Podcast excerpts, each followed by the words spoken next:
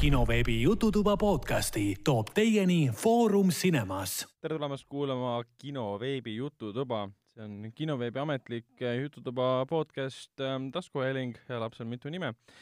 see on meie kahekümne kolmas saade ja nii palju juba? ja on väga palju küll tõesti. mingi viiekümnes saade tuleb, siis teeme suure peo Uh, see nädal on eriline, sest sellel nädalal jõuab kinodesse Quentin Tarantino üheksas film. kujutad ette, juba üheksas film.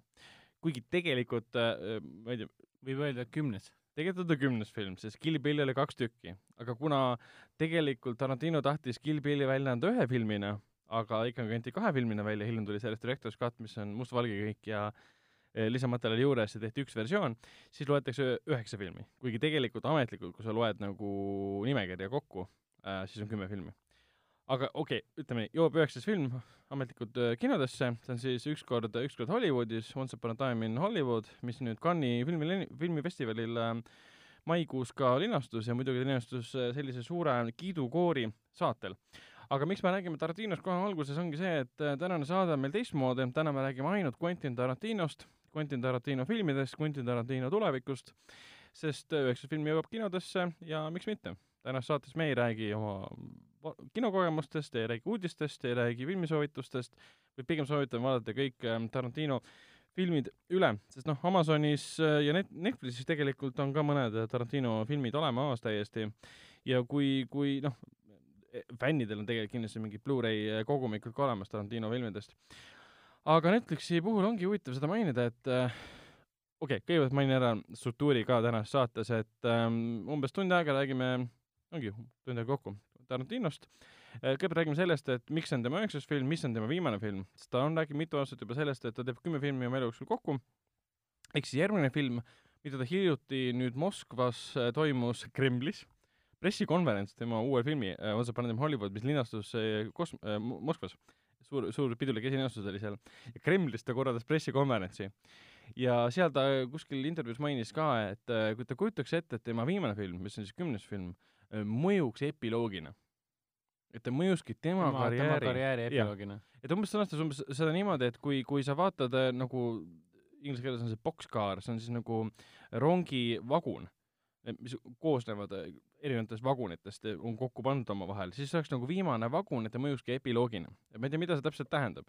et kui ta tõesti nüüd äh, kümnenda filmina teeb selle Star tracki filmi, millest on vahepeal juttu olnud, et äh, Tarantino tahab siis nimelt teha, või tal on kavas olnud, et kirjutas stsenaariumit järgmisele Star tracki filmile. mis on siis nüüd see Paramounti Star tracki seeria, mis sai alguse J.J. Abramsist, kes tegi neid alguses kaks tükki ja siis sekkus Justin Lin kes tegi siis Saadek Beyondi. kiirete veast siis see linn. täpselt. tema tegi selle kolmanda osa, see oli ka väga edukas tegelikult, see oli siis äh, Anton Jelhini üks viimaseid äh, filme, enne kui ta suri. ja siis nüüd hakkasid, kuna sellest on nii palju aega möödas, tekkisid jutud neljandast osast ja kõige üllatavam osa sellest oligi see, et Quentin Tarantino, mees, kes pole kunagi teinud ühtegi äh, tuntud materjali põhjal, selles mõttes, popkultuuri kuuluva materjali põhjal äh, nagu blockbusterit ja nüüd ta, käivad jutud, et äh, ta kirjutas stsenaariumi saadek neljandale osale, kirjutas R-rated stsenaariumi ja ütles, et ta on valmis seda filmi lavastama ainult siis, kui see on R-rated stsenaarium ja siis ta teeb selle filmi valmis. Aga ma sügavalt kahtlen, et äh, see jääbki tema kümnendaks filmiks. pigem ta siis on kuidagi stsenaariumiga seotud või produktsiooni poolt seotud. kui see Star tracki asi, see kõlab veidi uskumatult.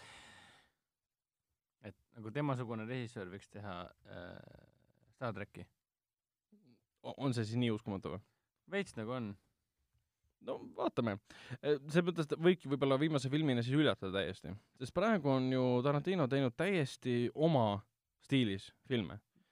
Ta on, ta on jäänud Tarantino žanrisse selles suhtes, äh, no kui, okei okay,, jaa, ei noh, mis puudutab režissööri tööd, siis ta on ikkagi jäänud äh, ainult oma liistude juurde, ta on teinud meil ajalugu, ta on teinud meil krimkasid ta on teinud meil, okei okay,, Kill Bill oli päris niisugune fantaasiarohke andmine tegelikult. noh, see oli juba klassikaliste samurai filmide vaimuslood. jah, aga ta ikka, ja... jääb ikka krimkaks no,. ajalugu Inglourious Basterds, ajalugu uh, Hateful Eight, Django ja nüüd tuleb veel üks ajalooline. tal on, wow. aga tal on tegelikult siis ju, issand, neljas ajalooline film järjest või?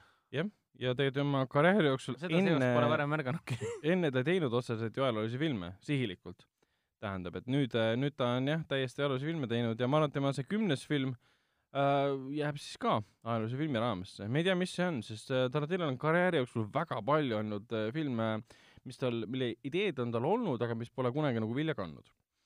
aga kuna see film nüüd see nädal linastub, kõigepealt ta linastub siis muidugi Foorum Cinemas augustikuu filmi raames kolmeteistkümnendal augustil ja ametlikult ta siis igal pool alustab nagu kuueteistkümnendast augustist. jah, ja, ja praegu eh, mõned kohad on veel täitsa vabad, kolmeteistkümnendal augustil Plaza, Coca-Cola Plaza Iceland saalis.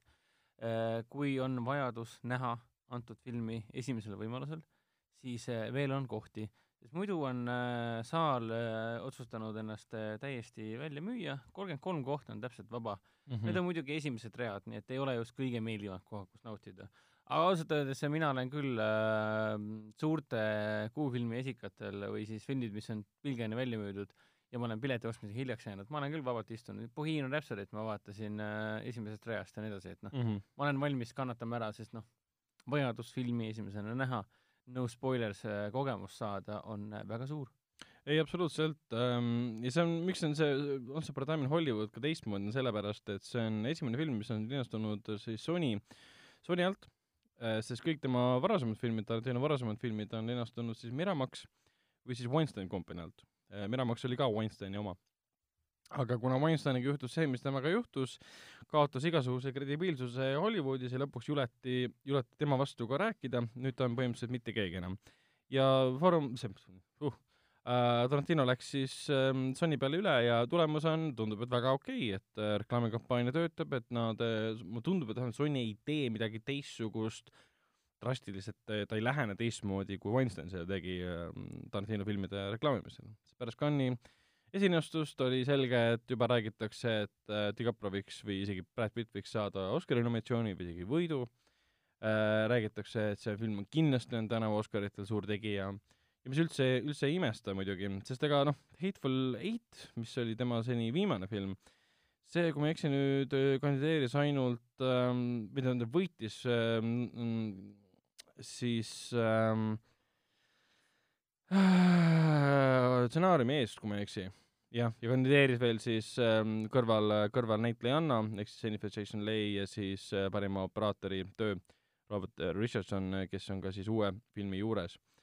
Ega Tarantinol ei olegi väga suuri Oscari filme olnud, et äh, võib-olla tõesti tema siis see, see Once Upon a Time in Hollywood äh, kujuneb selle aasta nüüd Oscaritel, selle aasta filmide Oscaritel siis selliseks tegijaks, kes korjab sulle ära parima filmi, parima režii, parimad näitlejad, ehk siis teeb nii-öelda ajalugu isegi Tarantino jaoks. kuigi noh, enamjaolt armastavad äh, kõik äh, tema filme. Tarantino kohta jah, kui tõesti see Stradicki jutud vastavad tõele, siis noh, elame-näeme. peaasi, et ei võta ette midagi muud, et äh, eks ta on sellest rääkinud ka, et äh, miks ta tahab äh, varakult lõpetada, et ta on üle, üle viiekümne aasta nüüd vana, abiellus hiljuti ja ta on rääkinud, et ta ei taha nagu liiga vanaks jääda, filme teha, ta ei taha muutuda üheks nendeks reisijateks, kes hakkab oma stiili kordama, seda ise nagu adumata. võib vist öelda, et, et ta ei taha saada Ridley Scottiks. nojah, võib ka nii öelda. Ridley'ga on küll see teema, et Ridley, palun ära tee neid asju, mis sa teed. jah, täpselt. Um, Tarantino ei taha netikommentaatorite hulgast lugeda seda, et aa, Tarantino jälle kordab ennast, tüüp on vanaks jäänud, mm, lõpetagu ära oma karjäär. jah, jah, seda küll. aga pluss ta on nagu nüüd intervjuudes ka öelnud, et kui see mm, Once Upon a Time in Hollywood äh, Cannes'is esilinastus, et äh, kui nad abiellus, siis ta tahab lihtsalt lapsi saada ja perekonda luua ja tal pole aega siis nagu filmi teha. seetõttu tal ongi plaan nagu karjäär ära lõpetada, et nagu elu alustada nii-öelda.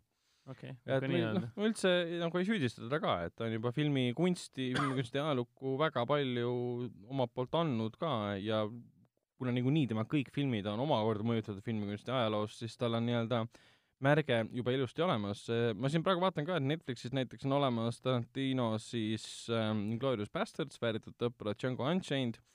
Äh,, Reservoir Dogs on olemas näiteks ja Pulp Fiction on olemas et tegelikult äh, päris täht, tähtis osa tema karjäärist on täiesti olemas, et äh, hiljuti siin äh, Foorum Cinemas äh, kinoklassika raames ka linastus äh, Pulp Fiction, mida mina nägin esimest korda siis nagu suurel ekraanil ja see oli tõesti vapustav, vapustav elamus ähm, ja üldse tegelikult kõiki viimaseid ähm, Tarantino filme olen ka ise kinos äh, ikkagi vaatamas käinud äh, ta äh, siin mainisin poole sõnaga Netflixi, et ähm, Tartinol on hiljuti, just viimasel ajal, sellest ei ole väga palju räägitud, tekkinud huvitav äh, suhe Netflixiga.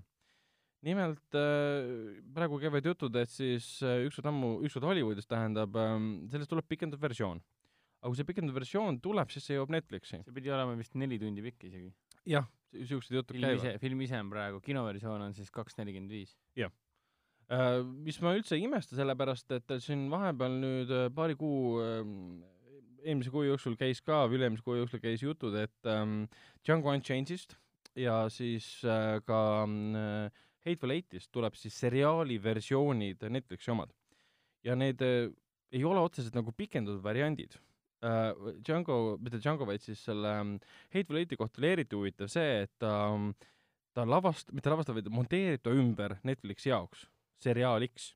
Jah. ehk siis ta paigutab ümber sündmuseid, et need ei ole päris nii, nagu me filmis ise nägime ehk. siis ta nagu monteerib ümber, ta on neljaosaline seriaal, kakskümmend viis minutit lisamaterjali ja ta teeb ta seriaali likuks, et iga episood oleks siis noh, nagu, nagu sa vaataksid seriaali miniseriaali. ja ta võtab ära nagu sellised nagu paralleelmontaaži sündmused, ta võtab ära need pöördu-, pöördemomendi, mis alles lõpus tulid välja, et mingid äh, äh, Hateful Eighti puhul siis, et ähm, Channing Tatumi tegelaskuju oli sinna kambaga jõudnud enne kohale, mõned inimesed ära tapnud, peitnud ennast lau-, laudade alla, kõik see, et nad äh, toovad selle enne nagu esile, nagu seriaali puhul tehakse. et äh, selles mõttes, Tarantino on küll olnud see filmilindi kaitsja ja suure, suure ekraani kaitsja alati, aga mul on tunne, et ta küll räägib, et ta lõpetab filmi tegemise ära, aga mida see tähendab? see ei tähenda seda, et ta lõpetab filmi tegemise ära. ta hakkab võib-olla tegema siis seriaale või filme Netflixi jaoks või telekanalite jaoks. ta hakkab võib-olla näidendit kirjutama, sest ta on sellest ka varem ka rääkinud, või raamatut kirjutama. see oleks muidugi päris huvitav, kui ta lõpuks hakkabki seriaali režissööriks. no täpselt. ehk siis lõpetab filmi tegemise ära ja pärast kümnendat, olgu see siis R-rated äh, keelureitinguga Star track või siis äh, väidetavalt ka horror-film, mida ta hea meelega teeks, kui on hea skript no täpselt noh, täpselt.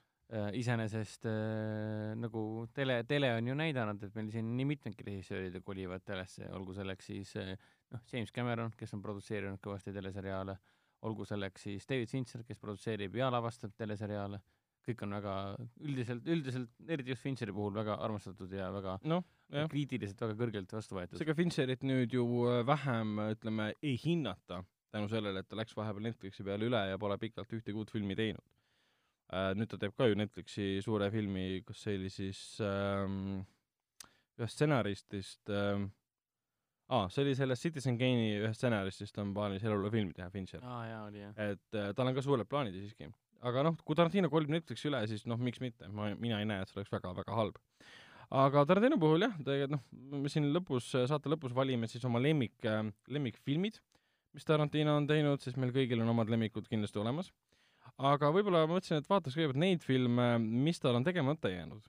Sest tal on kindlasti, tal on, on väga palju ideid olnud, mida teha, pole õnnestunud. jaa, et nagu palju on ju viimasel ajal, noh, film hakkab välja tulema, siis väga palju on kuulda selle kohta, et eh, mis hakkab olema tema kümnes film, kas see ikka jääb tema kümnendaks filmiks. Hästi palju spekuleeritakse sel teemal ja loomulikult hakatakse uuesti rääkima ka sellest, et kõik need aastad on möödas, et missugused projektid on hetkel käsil ja tõenäoliselt näevad päevavalgust ja mis on need, mis on ammu surnud.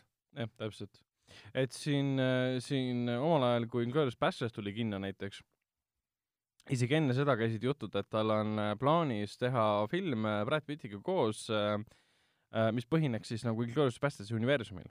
ehk siis Aldo Rain, keda kehastas siis äh, Brad Pitt, seikleks nii-öelda siis äh, Natsi-Saksamaal edasi. ja see idee tal nagu läbi käis, aga sellest ei saanud mitte midagi põhimõtteliselt ja põhimõtteliselt äh, see idee oli päris huvitav, et äh, Aldo Reins ja siis Danny läheks siis, siis ähm, Itaaliasse mustanahaliste sõduritega.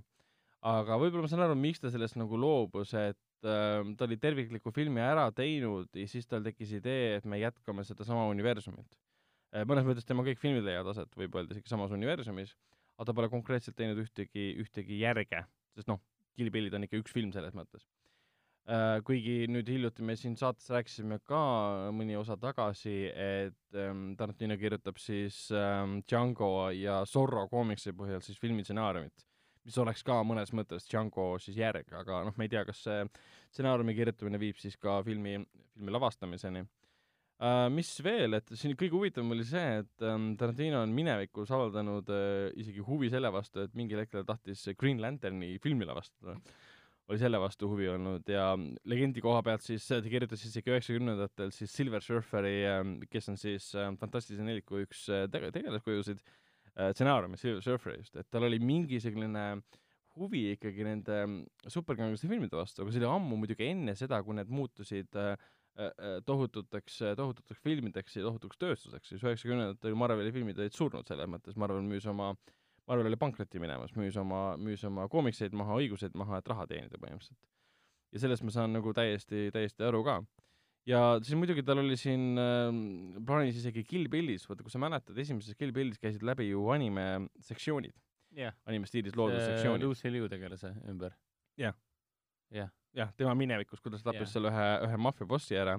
Ja see oli see Lucy Liu siis Oren Ishii ja isegi sellest oli tal plaanis äh, teha nagu anime, anime äh, sellised äh, lühi, lühifilmid, aga nendest ei saanud äh, ka mitte midagi äh,. Kill Billist rääkides muidugi, ta nüüd hiljuti äh,, hiljuti tema käest mitu korda nüüd küsitud Kill Bill kolme kohta.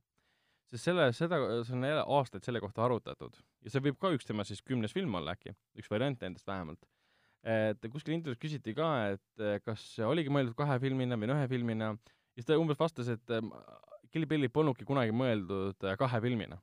et eh, ta on Uma Thurmaniga, kes mängis muidugi siis eh, peaosalist, on siis arutanud seda kolmanda osa võimalust ka. aga Kill Billi kolmanda osa vastu mul poleks mitte midagi, siis see oleks tegelikult teine osa, sest Kill Bill üks ja kaks oli üks ja sama film. et noh, miks mitte. ja kõige huvitavam võib-olla see, mida Tarantino kunagi võib-olla oli plaanis, et Tar- Tarantino oli kunagi väga suur äh, salatühmikute fänn. mitte mina kunagi polnud tema kohta teadnud näiteks. ja tal isegi oli kavas äh, lavastada üks äh, episood äh, äh, salatühmikutest. aga tal see muidugi ei õnnestunud, sellepärast et äh, põhjuseks oli hästi kummaline, sest ta ei olnud ähm, Directors Guild of America liige, mistõttu ta ei saanud seda teha ja siis Rob Bowman, kes hiljem lavastas siis selle täispika, täispika filmi äh,, ma ei mäleta, üheksakümnendatel vist ilmus see mm,, tema võttis selle episoodi lavastamise üle. aga miks see takistas siis? ju siis seal on need reeglid kehtivad ikkagi, et sa pead olema Directors Guild Ameerika liige, et sa saaksid, see oli aastatel siis üheksakümmend, mitte üheksakümmend, vaid see oli kaks tuhat midagi äh, oli see plaan tal olnud. ja muidugi tal filme on siin väga-väga-väga palju olnud, kui me võtame näiteks äh, selline koomiksi karakter nagu Modesty Blaze äh,, siis tal oli ka olnud ühel hetkel äh, äh, Miramaxiga isegi plaan seda filmiks teha, sest Miramax omandas need õigused ka. Ja tal oli plaanis seda siis äh, adapteerida, Neil Gaiman muidugi äh,, kes vastutab siin nüüd äh,, mis Amazoni Good Omensi ja siis siis ähm, American Gods'i eest, kuna põhineb tema lugudel või kaasa kirjutatud lugudel, oli siis kirjutanud ka stsenaariumi. aga sellest ei saanud ka mitte midagi. et selles mõttes on kurb, et tal päris palju on neid projekte, millest midagi ei saanud. No mind kõige enam, kõige enam oleks äh, huvitanud see, kui nüüd ei eksi, siis oli see mõeldud eelloona äh, Michael Madseni Vic Vegale filmist Reservoir Dogs mm.. ja, ja sellest ma olen ka, kuulnud ja jah John Travolta Vincent Vegale mm., -hmm. et ta oleks teinud filmi, kas ta nüüd oli mõeldud, kas filmi pealkiri oleks pidanud olema Double Vega või? Mm -hmm. Double V Vega või midagi taolist. Põhimõtteliselt oleks teinud eelloo nendest kahest karakterist, üks Reservoirsist, teine Pulpist ja et nad on vennad ja kuidas nad elavad oma elu. ma saan täitsa aru, miks ta oleks tahtnud sellest filmi teha, selles mõttes, et äh, nüüd, kui me vaatasime kinoklassika raames Pulp Fictionit uuesti, siis ikka jälle tuleb see tunne, et pagan, Vega on, John Travolta Vega on ikka nii äge tegelane, nii äge karakter. ilgelt kahju, et, et ta nagu lihtsalt kuuli sai ja kadus ära nii-öelda pildilt. Mm -hmm. et päris huvitav oleks näha, et ma saan aru, et ta käis ju, käis ju Prantsusmaal ju. Filmi alguses mainis. kas oli, oli vist ja, see? ja, ja täpselt oligi muidugi, muidugi, oli küll jah, ja, ja sul on õigus, et no väga huvi- huvitav oleks näha, missugust elu ta oma Michael Mansonist vennaga elas nii-öelda. mm.. sa Prantsusmaal, sa räägid Reservoir Dogsist? ei, ma ei, nüüd ei mäleta täpselt, kas ta, ta rääk- rääkisid ju hamburgerist ja Pulp Fictionis, jah, Pulp Fictioni alguses. ja, ja, ja okei okay,, ja ma saan aru, mis sa mõtled, jah hmm.. uh,. Tarantino näiteks oli vahepeal isegi olnud uh, plaan ähm, lavastada spiooni uh, romaanide põhjal um, seeriat um,, sellest oli juttu viimati kaks tuhat üheksa, näitlejatest oli tal isegi käinud läbi Simon Pegg, Kate Winslet, Anthony Hopkins uh,, see oli siis uh, Perl- uh,, mis see seeria nimi nüüd on, Lane, Lane Dayton's um, Game Set and Match triloogia uh,, romaani triloogia, kus olid siis raamatud Berlin Game, Mexico Set ja London Match. Ja et see oli ühel hetkel tal idee olnud, aga sellest jällegi midagi kahjuks või, või õnneks, ei tea täpselt, ei see oli saanud. see ei olnud Prantsusmaal, see oli, ta käis pigem hoopis äh, Amsterdamis ja tema vend Vic Vega justkui sai surma, Mm -hmm. shot and killed nii-öelda. päris huvitav oleks näha seda prequel'it, mis lõpebki sellega, sorry, et ma vahele segasin. ei, ei, selles mõttes jaa, et nagu neid projekte on ikka väga palju, kui nüüd internetis uurida kõiki neid intervjuusid, kus ta nendest lugudest, lugudest rääkinud. Muidugi huvitav on ka see, et kui sa vaatad need lood, mis tal on tegemata jäänud filmina, need mingil määral on mõjutanud tema hilisemaid siis filmivalikuid.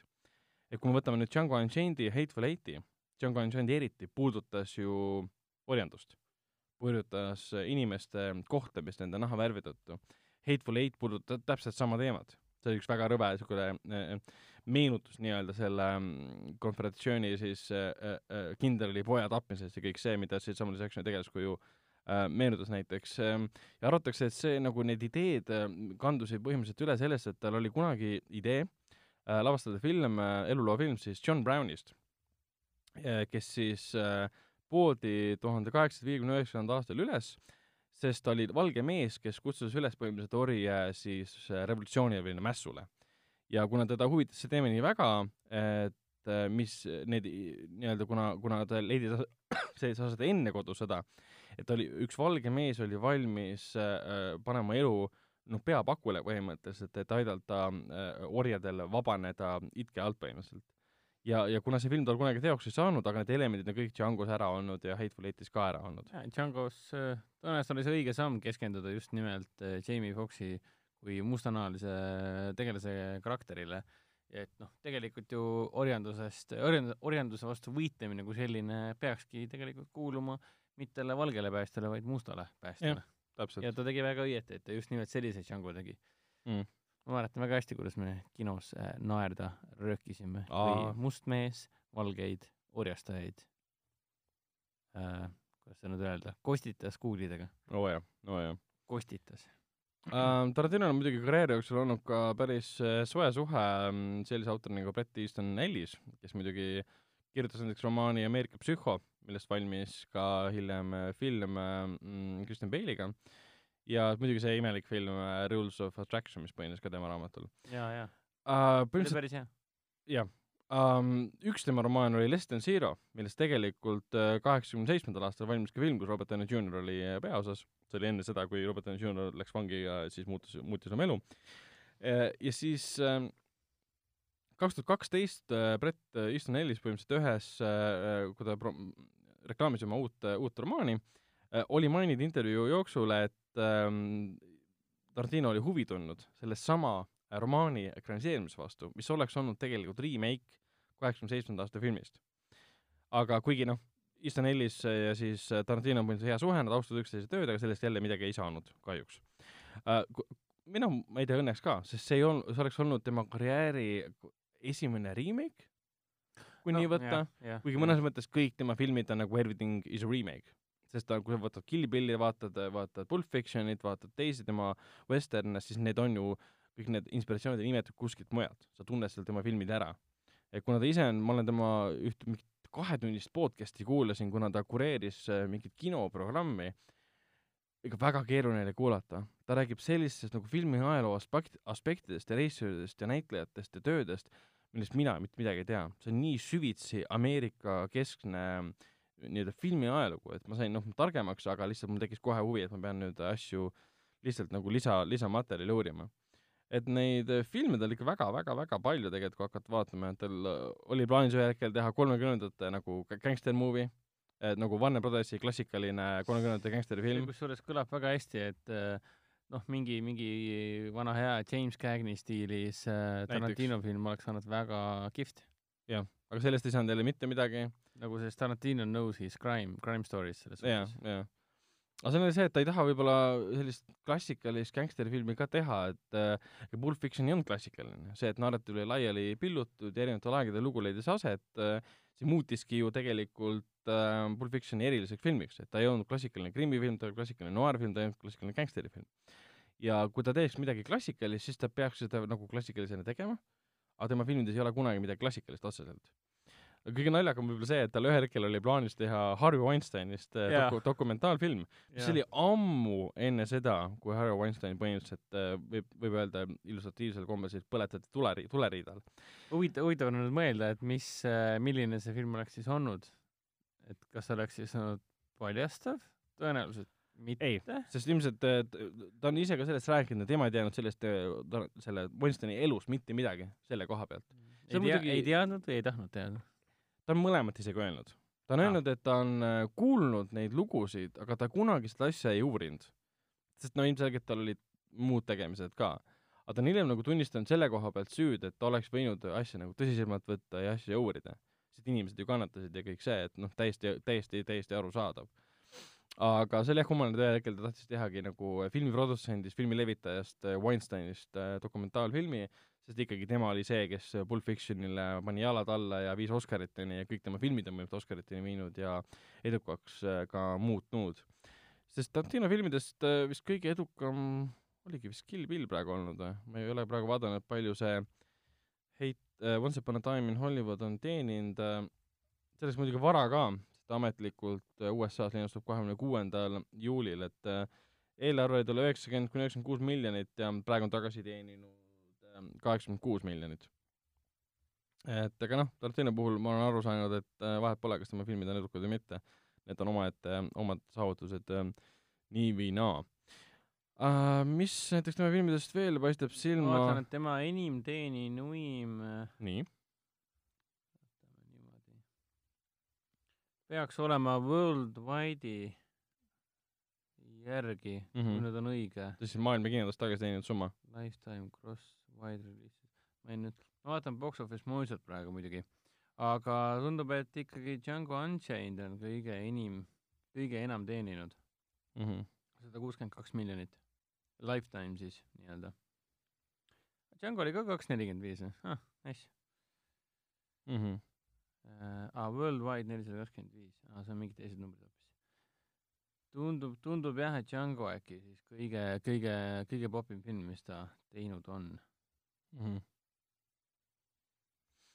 no ma üldse ei imesta, sest see oli selline, kuidas nüüd öelda, kõige kuidas nüüd öelda, popkultuurilisem või selline, selline mainstreamilikum film tema filmidest võib-olla tõesti uh,, kui nüüd uuema aja filme arvesse võttes uh,. Mainstreamist rääkides, siis äh, üheksakümnendatel oli huvi näiteks um, teha ekraniseering Ian Flemingu Casino Royale'ist uh,. enne muidugi, kui äh, Daniel Craig astus Bondi rolli ja siis Martin Campbell lavastas uh, selle nii-öelda uue alguse uh, Bondi filmidele aga kuna Casino Royale'i polnud tegelikult kordagi filmiks tehtud, see on vana romaani põhjal selles mõttes jaa, ta oli vist suhteliselt tundmatu ka või? jah, ja see ei olnud tundmatu selles mõttes, et telefilm oli sellest juba varasemalt maininud jaa. vist oli kaheksakümnendatel. ja ta, tal oligi plaanis põhimõtteliselt pärast Kill Bill kahte seda, seda teha, aga põhimõtteliselt hiljem andis teada, et sellest midagi välja ei tulnud, sest äh, produtsendid ei tahtnud tal lubada teha Bondi filmi, et ta kartis, et ta teeb selle liiga teistsuguse või liiga hea ja siis ülejäänud seeria lihtsalt peab selle kannul kuidagi kõndima, sellest inspiratsiooni võtma, sest Tarantino on liiga omapärane, isepäine, originaalne teistsugune režissöör.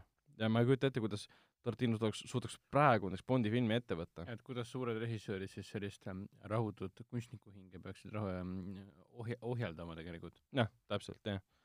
Pluss ta hiljem nagu mainin ka, et ähm,, et ähm, Bondi produtsendid põhimõtteliselt varastasid osa, osalt tema ideid äh,, et teha nagu siis et nagu teha, ma ei tea, mis need täpselt on, aga nii ta ütles, et ähm, tema ideid, et teha siis Casino Royale'i see kaks tuhat kaheksa, kahe tuhande kaheksanda aasta film äh, äh, Daniel Craigiga. sealt mõned ideed olid justkui laenatud siis äh, äh, Tarantino ideedest, kui ta tahtis teha oma versiooni sellest äh,. Kas sa Man from Uncle'it mäletad või? see Jah. Guy Ritchie Guy Ritchie ja mis seal olid siis lavastatud äh, Henny see- Cavill ja jah, Cavill ja kes Armi see Hammer Armi Hammer ja Cavill ja, ja, ja seal oli Alicia Vikander oli ka seal jah. et ühel hetkel oli ka mm, siis Tarantinol kavas äh, sellest äh, äh, film, film teha, aga noh, sellest ka ei saanud otseselt midagi. ehk siis tal on väga-väga-väga palju olnud projekte, millest nagu midagi pole saanud. see on ka põnev, et äh, äh, põhimõtteliselt pärast Reservoir Dogsi tal oli, tal oli mõte teha, Tarantino oli mõte teha Lu- Luke Cage'ist film. ahah, sellest äh, Marveli superkangelasest, kes on hästi suur ja tugev. jaa, et kes siis eh, esimest korda nägime teda, on, on vist esimest korda põhimõtteliselt filmi, filmi, filmi või seriaali vormis äh, Jessica Jonesi kõrvaltegelasena ja pärast Mm, seda jaa. sai ta endale, mitu hooaega ta Luke Luke Cage'i seriaal siis sai? kaks, kaks hooaega. Täitsa huvitav mõte, kui noh, superkangelase film ja Tarantino, aga see oleks täitsa huvitav, sest noh, James Gunn on ka mingis mõttes Tarantino-lik, kui va- vaad- vaadata tema filme, mis ta elus teinud on. ja päris huvitav oleks näha ka, kuidas Marvel hakkab ohjeldama Tarantinot, kui see peaks kunagi, mida ma No, ei usu äh, jah, seda ma ei näe. sest see, see Luke Cage'i jutt ähm,, mis tal oli kunagi nagu plaanis, oli ikkagi oluliselt enne seda, kui, kui Marveli hullumeelsus äh, vallutas maailma. Või noh, edu vallutas maailma, et see oli hoopis teisel, teisel ajastul selles suhtes. aga noh, räägime äkki siis Tarantino filmidest, mida ta on siiski teinud, et ähm, tema ah, esimene, ma mainiks selle nii palju ära, kas sa, sa vist ei maininud seda Django ja Zorro filmi? poole sõnaga alguses mainisime küll, Äh, me et mõned podcast'id tagasi me rääkisime sellest, et ta kirjutab stsenaariumi sellest. jaa, et reaalselt see on nagu minu, minu jaoks on see kõige, kõige põnevam asi, et eriti veel see, et ta on äh, noh, ta on, ta on töös mingis mõttes. No stsenaariumid kirjutatakse jaa, et kas ta tema lavastab seda, see on iseasi. pärast tulebki üllatus, et ta teebki Django ja Zorro filmi viimase filmina. ma jällegi üldse ei usu seda. et noh, see on jälle far-fetched, aga iseenesest päris äh, põnev, päris põnev projekt, et ta pani kokku Django ja El, El Zorro ja tegemist on siis koomiksiseeriaga, mille mm -hmm. Tema ise aitas teha ja tõenäoliselt mingil kujul, äkki Netflix äh, film peaks kunagi äh, ilma, või noh, seriaal peaks kunagi ilmavalgus nägema. mm. -hmm. et äh, päris palju Django teemat on tal selles suhtes. eriti veel see, et ta on korduvalt ja korduvalt mõelnud järgesid teha omaenda asjadele. küll on siis Pulp Fictioni ja Reservoir'i eellood, küll on siis Djangoga seotud lood, siis on hei, selle, Inglourious Basterds'i tegelastest oli eraldi film. on näha, et ta armastab oma tegelasi, et see on selle Inglourious Bastardsi, mis see oli, Kill and Grow jah projekti nimi, et eh, ma saan aru, et see keegi seal insideritest ütles, et tal oli terve suur eh, lugude universum välja mõeldud seoses Inglourious Bastardsi tegelastega. noh, ja lõpuks ta valis ju need nii-öelda kataloogis, valis need tegelased, kes olid siis lõplikud variandid nii-öelda filmis endas. jaa, aga noh, pigem ma võtan Tarantinot kui Nolanit ja, ja, ja nagu Fincherit, et see on okei okay.. see on okei okay,, et sa teed oma asja. see on väga Mm. tore, et sa teed oma asja. meil ongi vaja rohkem sinu asja, mitte järjekordset järge. Järjekordse järje, järje, järjega. kuigi võib võtta ka niimoodi, et kõik tema filmid on äh, omamoodi järjed üksteisele või eellood üksteisele. et seal ei ole nagu midagi nii äh,, nii üllatavat, kui ta ühel hetkel annabki teada, et kuule, minu viimane film on Kill Bill kolm või Django kaks või midagi laadset. kas mitte kuskilt ei käinud läbi, et ähm, Tarantino oli vahepeal mõelnud või midagi laadset, et ähm, Once Upon a ükskord, ükskord Hollywoodis filmis äh, ta tahtis iseennast sisse panna sinna. Uh, ei, seda ma nüüd täpselt, kas sa oled seda lugenud kuskil netis ka või? tuleb nagu meelde, jah? mina otseselt seda ei tea, aga ma sattusin siin äh, ühe tuttavaga rääkima sel teemal ja tundus täitsa huvitav mõte, et noh, ma ei ole nüüd äh, näinud äh, veel äh, Once Upon a Time'i, sest noh, esitlus on põhimõtteliselt kolmeteistkümnendal, aga, aga kolmeteistkümnenda õhtul ja noh, meie saade tuleb varem välja. tuleb välja veidi varem, aga päris nagu huvitav mõte, kui Tar- Tarantino oleks kehastanud režissööri, kelle heaks äh, DiCaprio ja, ja Pitti tegelased tegelikult töötavad Mm. ja nad osalevad siis kuuekümne üheksanda, kuuekümnendate lõpu kõige suurema äh,, kuumema äh, režissööri filmides. Mm -hmm. aga samas tõenäoliselt see käis tal läbi. mina oleksin Tarantino, ma oleksin selle peale mõelnud, tõenäoliselt oleks liiga suur ego upitamine, see veits kaldub jah siin enese, kuidas nad öelda, paroodiasse vaikselt. Enese rahuldamine nii-öelda. jah, et ta, ta ei tundu mulle režissöörina, kes äh, teeb midagi uisapäisa, et äh, Cannes'i ajal oli ka üks väga huvitav videointervjuu temaga, kus uuriti, mis on tema nagu mm, protsess filmide tegemisel. et me oleme siin ette loetlenud kohutavalt palju tegelikult projekte, mis tal on ühel või teisel põhjusel ära jäänud. ja ta on alati teinud filmid, mis pole üksteise järjed. ja intervjuus ta mainis ka, et äh, noh, nüüd kui see Once Upon a Time in Hollywood tuli, on valmis, tuli kinodesse siis ta põhimõtteliselt jah, võtab aasta vabaks, elab oma elu ja teeb järgmise filmi siis, kui tal tuleb see idee pähe. et see ei tähenda seda, et ta nüüd võtab kohe oma materjalid kõik ette, hakkab läbi vaatama kõik need filmid, mis ta on kunagi teinud või mis on pooleli jäänud, lihtsalt vaatab, et kui tal ühel hetkel tuleb pähe, et pagan, see on see, mis mul südamel on, teen ära. ta on isegi korduvalt isegi hoiatanud ka, et ta jätab filmi tegemise üldse pooleli, sest kui Django mitte, ei, mitte Django äh,, Hateful Eighti stsenaarium lekkis tegelikult enne kui see film üldse välja tuli, siis ta oli sõpradele saatnud selle lugemisele ja siis mingi üks produtsent vist oli lekitanud kuskile internetti ja see hakkas levima, siis ta põhimõtteliselt ütles kohe, ma jätan filmi tegemise ära. sest nagu mõttetu on välja anda, kui ikka on stsenaariumit lugenud äh,. et no selle, see, seda ma tema juures nagu austan. aga lähme siis äh, Tarantino nende üheksa filmi juurde või noh, ta on neid üksteist äh, või noh, okei okay,, võtame üksteist siis ta mõtleb, et esimene film oli tal see My Best Friend's Birthday, mis on poolik film, mille siis äh, koopiad on põhimõtteliselt hävinenud, mille üle ta on õnnelik isegi, et ta on hävinenud, sest see oli rämps film tema arvates. see oli umbes sellel ajal tehtud, siis kui ta veel selles ähm, videolahenduses töötas äh,. et sellest on Vikipedia artikkel ka lihtsalt olemas, aga kuna see on poolik film uh,. tema esimene päris film oli siis Reservoir Dogs, mis on siiamaani minu arust klassika, Tim Roth, Michael Madsen mm,, äh, muidugi Steve Buscemi ja siis, äh, siis algus, Harvey Keitel ka muidugi, ja siis algusstseen sellest ähm, jootraha jagamisest, et see on üks nendest filmidest, mida ma vist nägin oluliselt hiljem enda nii-öelda Tarantino huvisfääri kasvamisel, äh, et siis, kui juba tõenäoliselt Kill Billid olid väljas, alles siis nägin seda. Äh,. muidugi Pulp Fiction, klassika, mitu korda näinud, Jackie Brown, mis oli tema siis nagu kolmas film kus oli ka muidugi Pam Grier ja siis ähm, Samuel Jackson. Jackit ma olen jah kõige vähem näinud ja, tema ma, filmidest, mingil on... põhjusel on see hästi kaugeks jäänud. et seda ma olen üldse vist kõige, tõesti ühe korra vist näinud.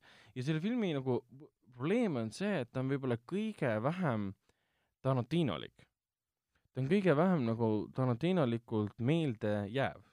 Ja ma ei tea, milles see nagu probleem seisis, ma nii palju ei ole selle filmi tausta kohta nagu lugenud aga mulle tundus, et ta tegi selle sellisest Pulp Fictioni inertsist jällegi. et Pulp Fictioni edu ja kõik see, võib-olla siin oli mingi Weinsteini käsi ka mängus, et võtta jälle Samuel Jackson peaossa, tee selline krimilugu, noh, Pam Grier oli kohutavalt hea selles rollis küll, aga jällegi, see on selline film, kus, mida on tagantjärgi raske meenutada, mis seal täpselt toimus. et kui me võtame hilisemad, uuemad filmid, siis nagu Kill Bill üks ja kaks, lihtsalt vapustavad filmid. otsast lõpuni lihtsalt uskumatu, David Carradine suurepärane roll, enne kui ta tegi enesetapu, või noh, kogemata suri, tähendab siis Äh, õnnetult või traagiliselt suur. jah, täpselt. et äh, ma küll ei ole vaadanud Kill Bill'e niimoodi, et äh, see ühe variandina, sest see eri, eriväljalase on välja antud, see on, kui ma ei eksi, nüüd mustvalge ja mõlemad filmid kokku pandud, seal on need äh, vaheanimatsioonid ka sees. ja see on see, kuidas peaks tegelikult seda filmi nautima. ja Death Proof, mis ilmus siis Grindhouse'iga seoses, Grindhouse oli see projekt, mida siis äh, Tarantino ja siis äh, Robert Rodriguez koos tegid Trudideks tegi siis äh, Planet Terrori, see oli ka muidugi Weinsteini alt. ja siis ähm, Tarantino tegi Death Proofi. Need filmid linastusid äh, muidugi Eesti kinos eraldi filmidena, aga USA-s nad linastusid sellise road, äh, roadshow ähm, variantidena, et nagu, nagu vanasti näidati nii-öelda neid filme koos, et sul on la vahepeal lavastatud nii-öelda fake äh, treilerid ka et noh, oligi niimoodi, et sul linastus Planet Terror, siis oli seal fake treilerid lavastatud vahele, sest nii nagu vanasti tehti, siis oli päris treilerid muidugi. ja siis tuli äh, Death Proof otsa. et nendes ühes sellest fake treilerist või isegi kahest tegelikult on filmid valminud uh,. Machete ja Hobo with a shotgun, et uh, rahu, rahu, ela- vara lahkunud uh, Rutger Hauer ja, ja muidugi uh, jah, Machetes muidugi valmis kaks filmi. Danny Trejo. jah, Danny Trejo. Machete ja Machete Kills. jah ja, ja samal ajal Rutger, Rutger Haueris siis äh, Hobo with the Shotgun on ka suurepärane film, väga kämp, väga mõnusalt pulp ja väga mõnusalt verine uh,. Death Proofi on ise Tarantino nendes kohtades maininud küll, et see on tema selline nõrgem film uh,. mina seda nagu ei näe, sest ta on täiesti teistsugune Tarantino kunagi, film. kunagi ma olin nagu nõus, et noh, et justkui niisugune noh, niisugune suvaline alguses tundus mm., kui ma alguses nägin seda aga nüüd ma olen nagu mitu korda teda uuesti vaadanud ja tal on, äh, tal on, ta on, tal on mingi oskuslik võlu juures. et pool filmi on täiesti teine film ja siis teine film hakkab, või noh, tegelikult ei, mitte päris pool filmi, et äh, esimene osa filmist on ju põhimõtteliselt nagu er, täiesti eraldiseisev. et justkui, äh, see on justkui nagu horror-film, mida ta ongi mingis mõttes, ja tavaliselt sa näed midagi sellist, mida ta äh,, Kurt Russelli tegelane teeb äh, oma ohvritega, sa näed tavaliselt hästi lühikeste minutite jooksul mm. -hmm. nagu õudussünnivi trilleri alguses. siin me nägime nagu tervet pikka episoodide jada ja alles siis algas päris film nii-öelda. jah, minu meelest on see päris äh, ballsy asi, mida, mida proovida ja katsetada iseenesest no,. nojah, siin ju, kuna ta mängib seal seda stuntman äh, Maiki vist oli või? äkki oli jah, Maik? ma võin eksida praegu, ma loodan, et ma ei eksi, et see on õige uh,. seal oli jah, et film algaski sellega, et um, korjas tüdruku üles, tappis ta ära.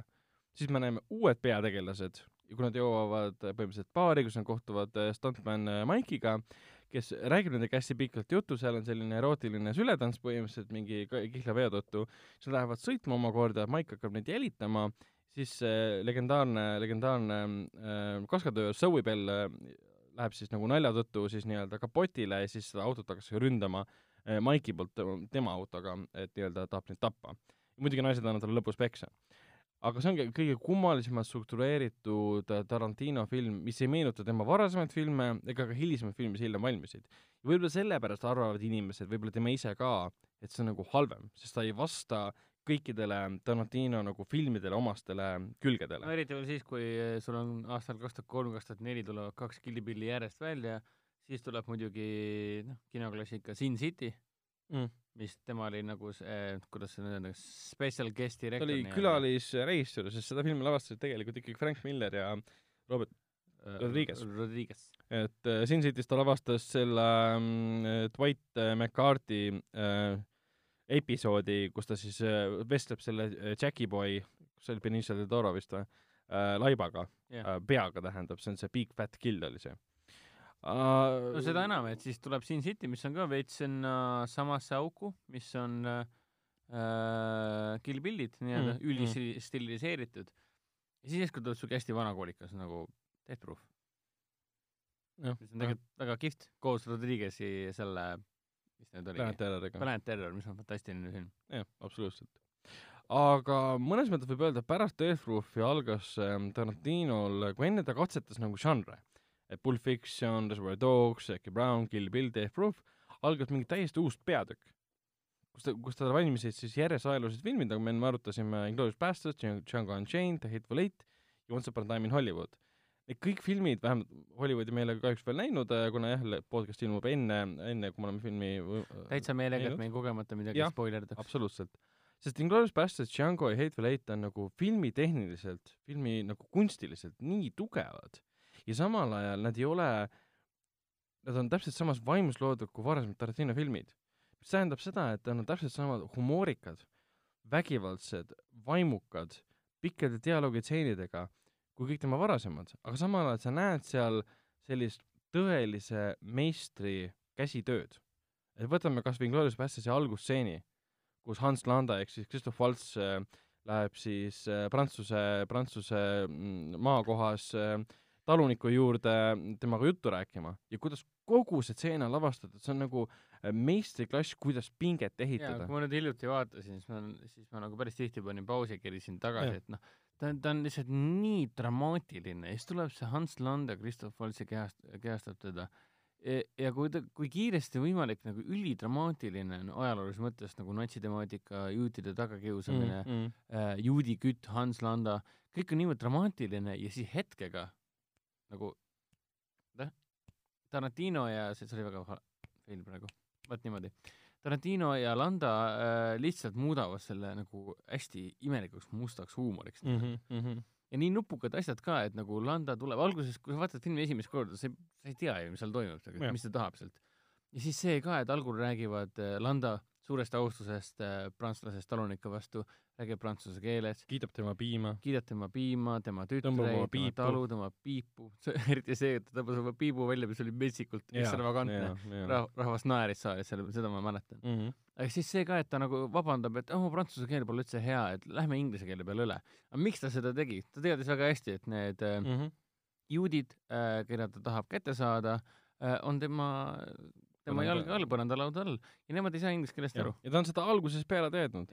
hetkest, mil ta sisse astus, psühholoogiline manipulatsioon on nagu, nagu nii karakterites kui ka, ka stseeni ülesehitus nii Aga- täpselt aga- sisse ehitatud. täpselt, ja selle asemel, et lavastada see hetke niimoodi, et Lando tuleb sinna koos sõduritega, lasevad nad maha, võtavad ta kinni, meile tutvustas karakterit läbi selle esimese viieteistkümne minuti, viisteist pluss minuti, läbi selle, tuleb sinna ja ta näeb selle vaeva ära, et rääkida selle prantslasega juttu, hästi pikalt manipuleerides temaga ja alles siis lõpus annab talle inglise keeles teada, et me teame väga hästi, on siin all, kas nad näitab meile, kus nad on, me tulistame sinna. ta pidanud seda kohe teha, ta ei teinud seda. ja täpselt ja kogu, kogu film on tegelikult selline, sest ta on mm. ju jagatud episoodideks ja iga episood on tegelikult nagu omaette lühifilm ja ta väga täpselt, väga rahulikult lavastatud, kuskile pole tal kiiret, ta täiega naudib oma craft'i ja mm. meie ka naudime, sellepärast et äh, ta pakub sulle ootamatusi, ta pakub sulle, kõik on ju tegelikult äh, vägagi lineaarne, tegelased omavahel äh, alguses üldse ei kohtugi, alles lõpus kohtuvad ja siis käib pauk ära.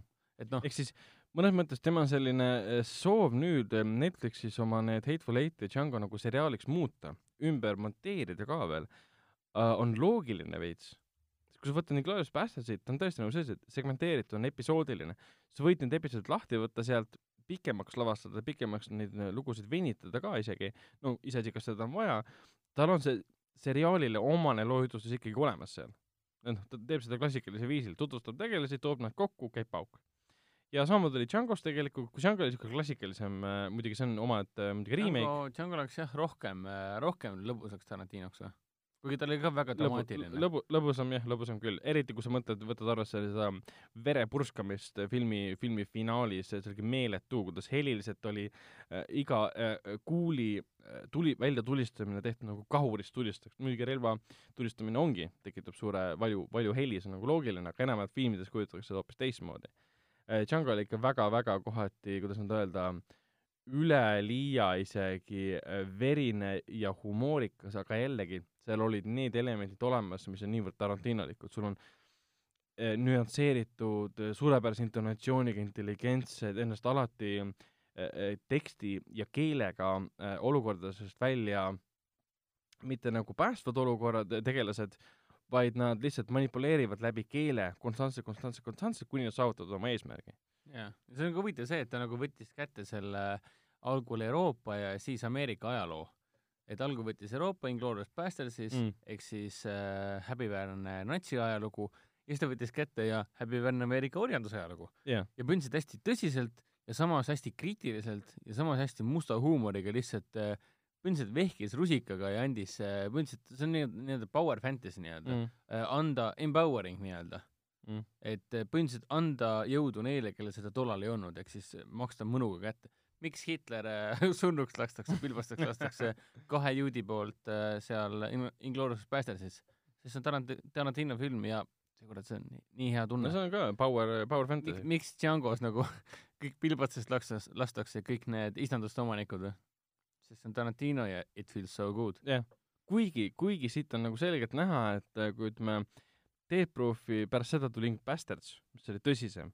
pärast Bastards tuli Django. kõige tõsisem film tegelikult äh, oligi. enne, enne, enne ta polnud, noh, võiks öelda küll, et nii tõsist filmi, kui seda Inglourious Bastards, ei olnud ta enne lavastanud. jah. aga siis ta tegi jälle lõbusama, noh, Django, mis on ka tegelikult väga tõsised teemad. kuigi ta jätkas täpselt sama teemat ja ma mäletan tollal, kui ma Django ära vaatasin, mõtlesin, et kuule, aga see on nagu põhimõtteliselt nagu sequel, see on põhimõtteliselt järg sellele Inglourious'ile Bastardsile yeah,, isegi Valts oli sama ja nii edasi, et mm. kõik on nagu tuttav teema. täpselt. aga siis ta võttis jälle väga tõsise teema sisse, sest Hateful Eight jällegi mängib minu arust väga tõsiste teemadega ja ta on väga raske film ja seal oli veits tunda ka seda, kuidas ta nagu nautis seda, et näe, ma filmin seitsmekümne millimeetri peale, filmilindi peale ja nautige minu kaadreid, nautige minu dialoogi, mis ma, millega ma olen vaeva näinud, palkab oma kõik lemmiknäitlejad, keda ta on alati oma filmides kasutanud erinevatesse rollidesse, kes lihtsalt jauravad, jauravad, jauravad, ma ütlen, no jauramine, aga tekst on tegelikult kuldaväärt alati. ja hästi pikad eh, segmendid ja episoodid sellest, kuidas tegelased lihtsalt omavahel jutustavad, aga kui Tarantino seda lavastab, see on, see on pinge nagu oleks, oleks ähm, tulevahetus, äh, inimesed tulistaksid omavahel, aga see on lihtsalt sõnadega verbaalne tulistamine. see on ka see, et äh, tuntud näitlejad, alati tuntud näitlejad, ja neil on alati suured karakterid ja alati päris palju äh, dialoogi ja monoloogi mm, -hmm. et mhm. kui nad tulevad ekraanile, siis nemad tulevad rääkima, näitama, kes nad on. me oleme siin, sest Tarantino on niimoodi kirjutanud, me saame omavahel väga hästi läbi, ma nüüd näitan, kes ma olen yeah.. ja siis alati naudid seda mingi, oh sa raisk yeah.. noh, Kurt Russell Hateful Eight'is, noh yeah.. ja Jennifer, Jennifer Station Leigh, mega lihtsalt mm ja sest no kuidas sa tunned nagu Tarantino filmi sellegi võib-olla ka ära, et tal, tema filmides pole kunagi juhuslikke kaadreid yeah.. sul pole selliseid äh, mõttetuid, no ma ütlen mõttetuid, aga samas ka vajalikke niisuguseid üld, üldplaane, üldkaadreid, üldvõtteid sellest mingist loodusest umbes niimoodi. ta, ta ei loo selliseid tavapäraseid seoseid, mida mõni tavaline reisija võib-olla teeks, et näitab kõigepealt linna ja siis on siin mingid inimesed, kes seal kõnnivad, siis on tegevus. kõik on alati väga selgelt väga joonistatud välja ja sa saad aru, et ilma selle tseenita või selle kaadrita film ei töötaks. ja olemegi jõudnud siis Once Upon a Time in Hollywoodi juurde, mida ma veel näinud ei ole filmi kohta ma tean täpselt nii palju, nagu esimene treiler näitas, ma pole rohkem äh, ise meelega selle filmi kohta mitte midagi uurinud ega lugenud. pidime ju välja valima oma lemmiku ka. oota, aga enne kui sinna läheme, siis mainime poole sõnaga ära ka need filmid, äh, mida Tarantino on aidanud teha. jaa, õigus. et näiteks äh, Tony Scotti äh, True Romance, kus äh,, kus Quentin Tarantino oli stsenarist äh,. Romance muidugi oli see film, kust on pärit äh, see legendaarne Hans Zimmeri äh, muusika mm, see pala, pala nimi ei tule mul praegu ette, aga see on väga hea lugu, kui Spotify'st selle üles otsida näiteks. lisaks ta kirjutas ka näiteks Oliver Stone'i Natural Born Killersi äh, loo ja ta oli muidugi Four Rooms'i, mis on see legendaarne Omnibus või noh, mitte Omnibus äh,, antoloogia film äh,, üks, üks stsenaristidest ja reisijatest ja produtsentidest, tema siis lavastas selle segmendi The Man from Hollywood. Muidugi From Dusk Till Dawn, sellest me juba rääkisime, tema oli seal ähm, näitleja, stsenarist ja produtsent ja Cityt me juba mainisime ka. et ta tegelikult neid äh, projekte, millega ta on seotud, äh, on päris palju olnud, et näiteks ta oli ka, ta oli ka executive producer äh, siis From Dusk Till Dawn kahe ja kolme juures, mis on otsevideofilmid ja kohutavad rämpsud aga jällegi, seal ei ole see, et tema oleks saanud teha mingi loomingulise valiku, need filmid olid lihtsalt tehtud äh, samade produtsentide poolt ja kuna tema oli olnud esialgse filmi stsenarist ja produtsent näitleja, siis noh, automaatselt tuli nimi nii-öelda külge. kuigi ta oli ka näiteks siis Hosteli teise osa ja esimese osa ka äh, üks produtsentidest. aa jaa, muidugi jaa mida omal ajal tegelikult ma mäletan väga hästi, kui Hostel välja tuli, et Quentin Tarantino Presents ja kõik see käis seal juures. no tema nimi käis kaasas ja eks see aitas ka Hosteli populaarsusele väga palju kaasa ja Hostel oli ju omal ajal mis see alasaane nimi on siis, Torture Porn on selle asja nimi. ega Hostel midagi väga väärt, selle seeria midagi väärt ei olnud, aga ta oli Eli Rothi poolt ikkagi lavastatud ja kirjutatud ja Tarantino abiga ta lõi tegelikult midagi väga crazy't, sest ta ikkagi vapustas maailma nii-öelda. jälle Tarantino abi. jah, täpselt uh,. lisaks tal on ka sellise, kuidas nad uncredited, uncredited siis um, stsenaristi rollid igal pool kirjas uh,. et mina näiteks seda ei teadnud, et um, Crimson Tide, muidugi jällegi Tony Scotti film uh,, kus siis, kus siis Gene Hackman ja Denzel Washington um, pidasid omavahel suurt konflikti.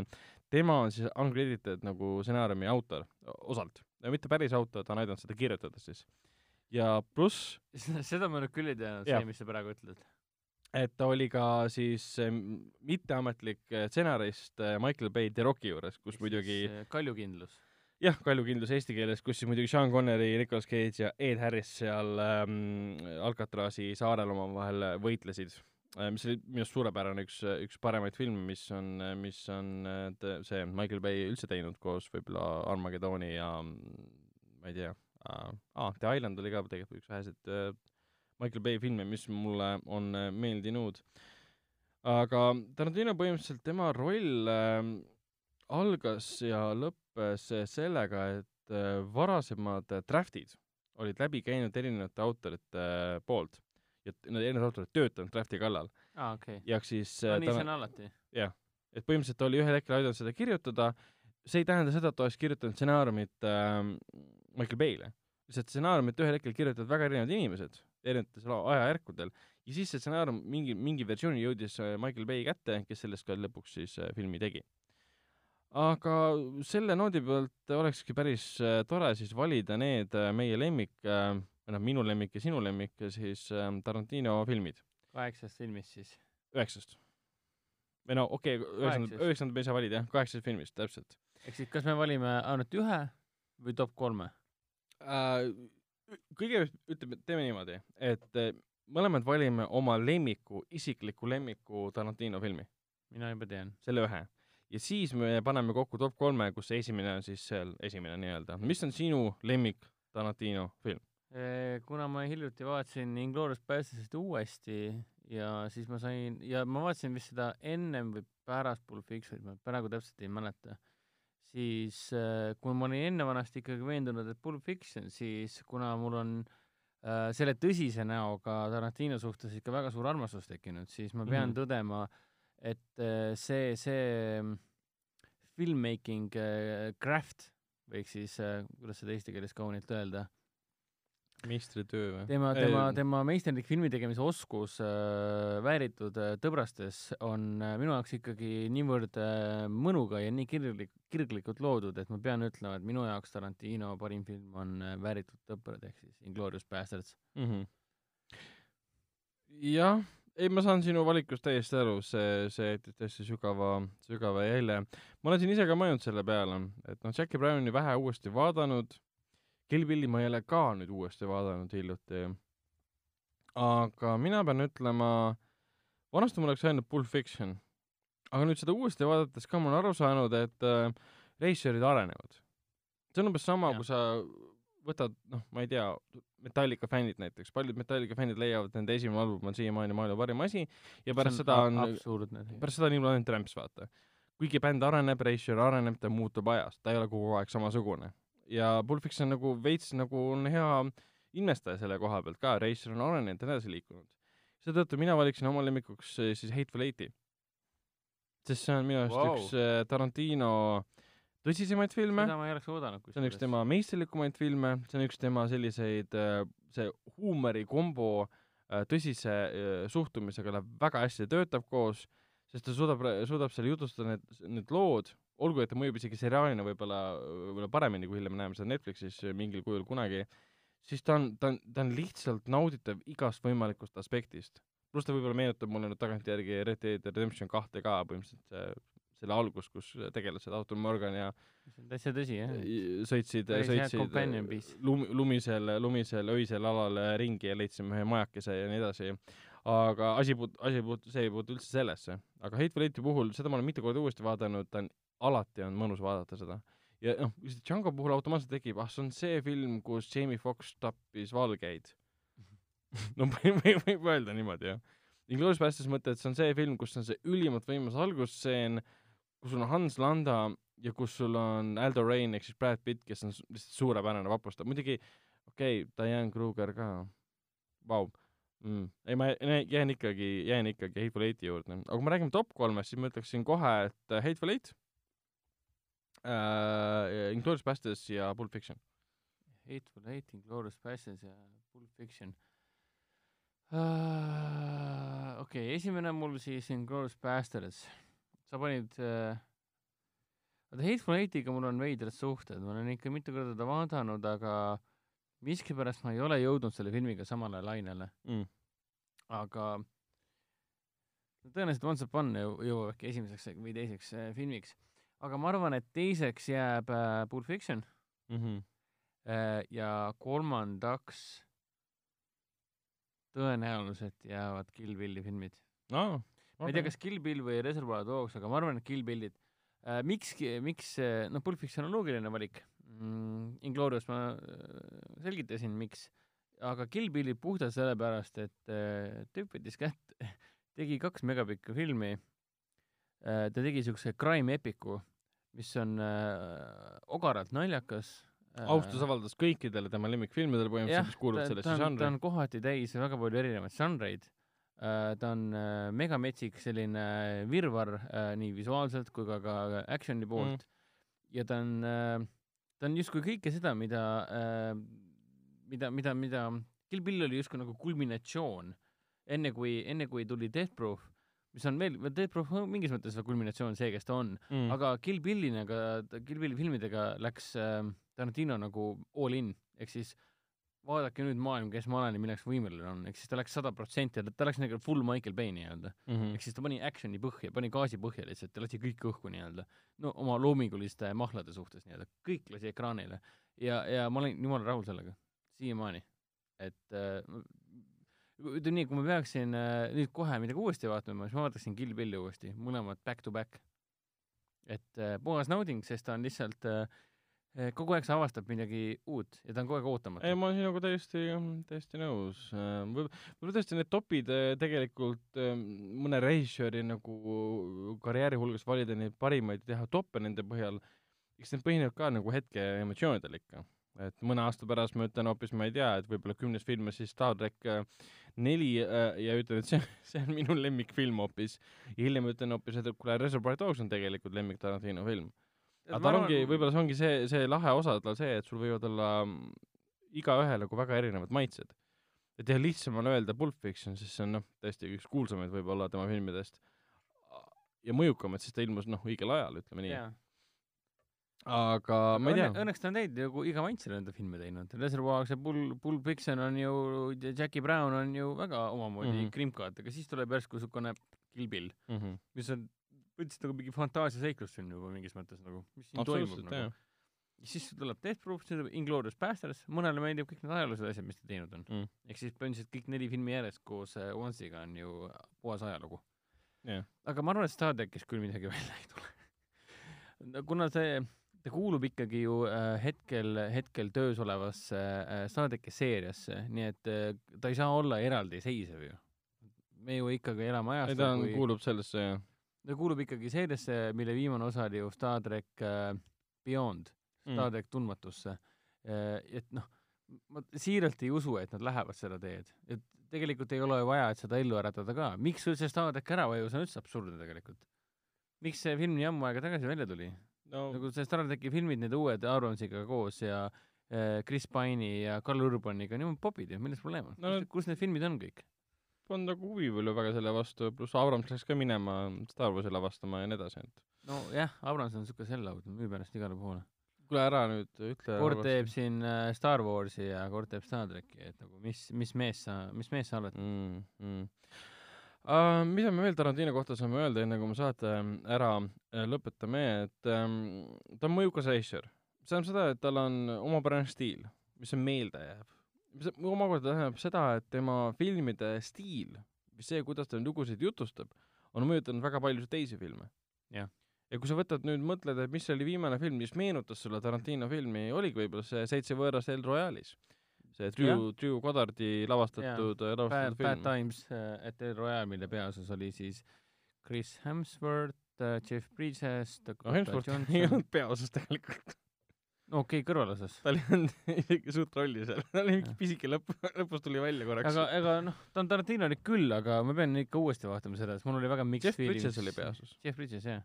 aga mul oli väga, väga, aa, John Hamm oli ka seal. jah, päris väga ägedad näitlejad olid, aga mul oli ikka väga mixed feelid selle Bad Times at El Royale'iga. ei ta oli oli üks tore. nendest filmidest, mida ma väga-väga tahtsin, ma juba enne filmi nägemist treilerite põhjal vaatasin, et jah, see on minu film, Mm. probleem on. käisin, vaatasin ära eh,, no ei ole päris Tarantino, pole nagu liha ega kala, aga Mm. nüüd on igatsus tekkinud, et seda uuesti vaadata Mm. see on puhtalt sellepärast, et äh, treileris äh, olnud lugu, mida Cynthia Erivo, kes seal äh, osas mängis, laulis äh,, just äsja olime Plaza, Coca-Cola Plaza Basiilikus ja raadiost äh,, Basiiliku raadiost tuli seesama laul, mida mm. -hmm. Cynthia Erivo laulis ja kohe tuli kõik see inten-, intense war flashbacks põhimõtteliselt mm. Mm. äh, Bad Timesist ehk siis äh, Good Times. Ei, jah, see on tõsi, et Tarantino stiili on võib-olla lihtne matkida, aga sa need teised režissöörid ei suuda oma filme lavastada nii nagu Tarantino või siis olla sama silmapaistev režissöör. Et kui siin, mis siin veel pähe tuleb, on näiteks selline, ma mäletan Skip Woodsi film nimega Thursday, mis võttiski Thomas Jane. jah, Thomas Shane'i ja Jaa. Aaron Eckhartiga, mis põhimõtteliselt leidis aset ühes, ühes majas ja võttis kogu ainult Tarantino, võttis selle absurdse võib-olla vägivalla ja sellise mingi seksi osa võib-olla ja, ja huumori ja roppuse. rohkem mitte midagi. Mickey Rourke oli ka seal. ja võib-olla noh, mis, mis veel meenub, on näiteks äh, Troy Duffy äh, need Boondock Saints'id, esimene ja teine osa, mis mulle omal ajal väga meeldisid, seal noh no,, Eri, eriti just esimene, puhas klassika. et kes seal esimeses mängisid, olid Willem Dafoe, Sean Patrick Flannery ja siis Norman Reedus, kes on muidugi sellest ähm, elavatest äh, surnutest tuntud kui Daryl. et see oli ka põhimõtteliselt noh, kaks tüüpi käivad karistamas äh, korrumpeerunud äh, võimuesindajaid ja ta oli ka jaburas kasves loodud, et sa mõnes mõttes võid öelda, et hmm, siin on näha, et režissöör austas Tarantinot. Mis veel näiteks, ma ei tea, kas Guy Ritchie Snatch näiteks võiks olla sarnane Tarantino stiilile? pigem ta lo- loodi võib-olla sellisel äh, ajaperioodil tänu sellele, et Tarantino film oli populaarne um,. ega jah, rohkem nagu ei meenugi, noh, Snatchi, jah, Snatch jah, okei okay.. täpselt. Ja ega rohkem nagu ei tulegi pähe, võib-olla Layer Cake äkki Matthew Vaughtonilt, jah, Äh, küll.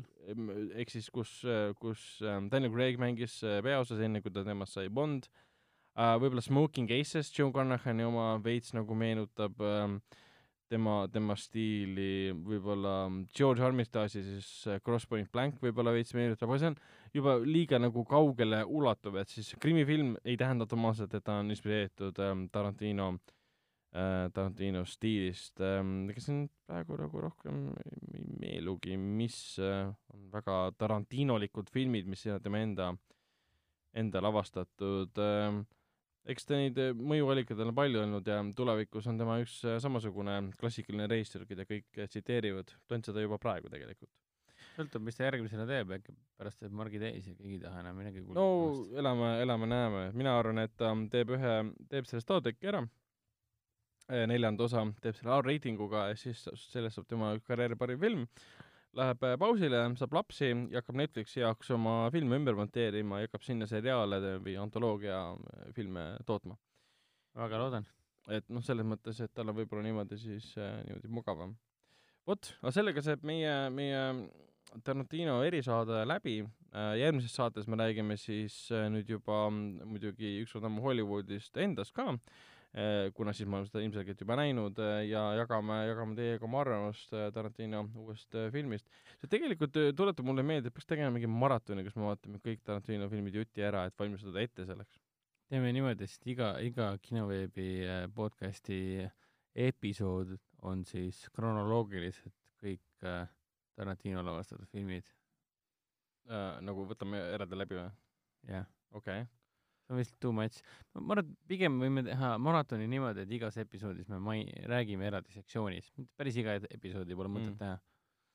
või siis teeme Youtube'i video, kus me vaatame kõiki Tarantino filme paneme jutti. sinna alla nurka, kus vasakust nurk, nurka oma pead ja me vaatame mingi oh wow, that's amazing. Youtube reaction video. ära. jah, hommikust see õhtuni. e- Elders React video nii-öelda ah,. Vau, see läks wow. juba.. Elder, vot, kuule, aga tõmbame joone, joone alla ja aitäh, Tarantino, et sa olemas oled ja ära veel äh, filmide lavastamist äh, lõpeta ja järgmises saates juba räägime siis Ükskord Hollywoodis äh,, jagame selle kohta oma arvamusi. aga praeguseks mina olin äh, kinoveebi toimetaja, peatoimetaja Ragnar, minuga koos oli saates minu vend ja Foorum Cinemas äh, programmispetsialist äh, Hendrik. tšau. Jep. tšau.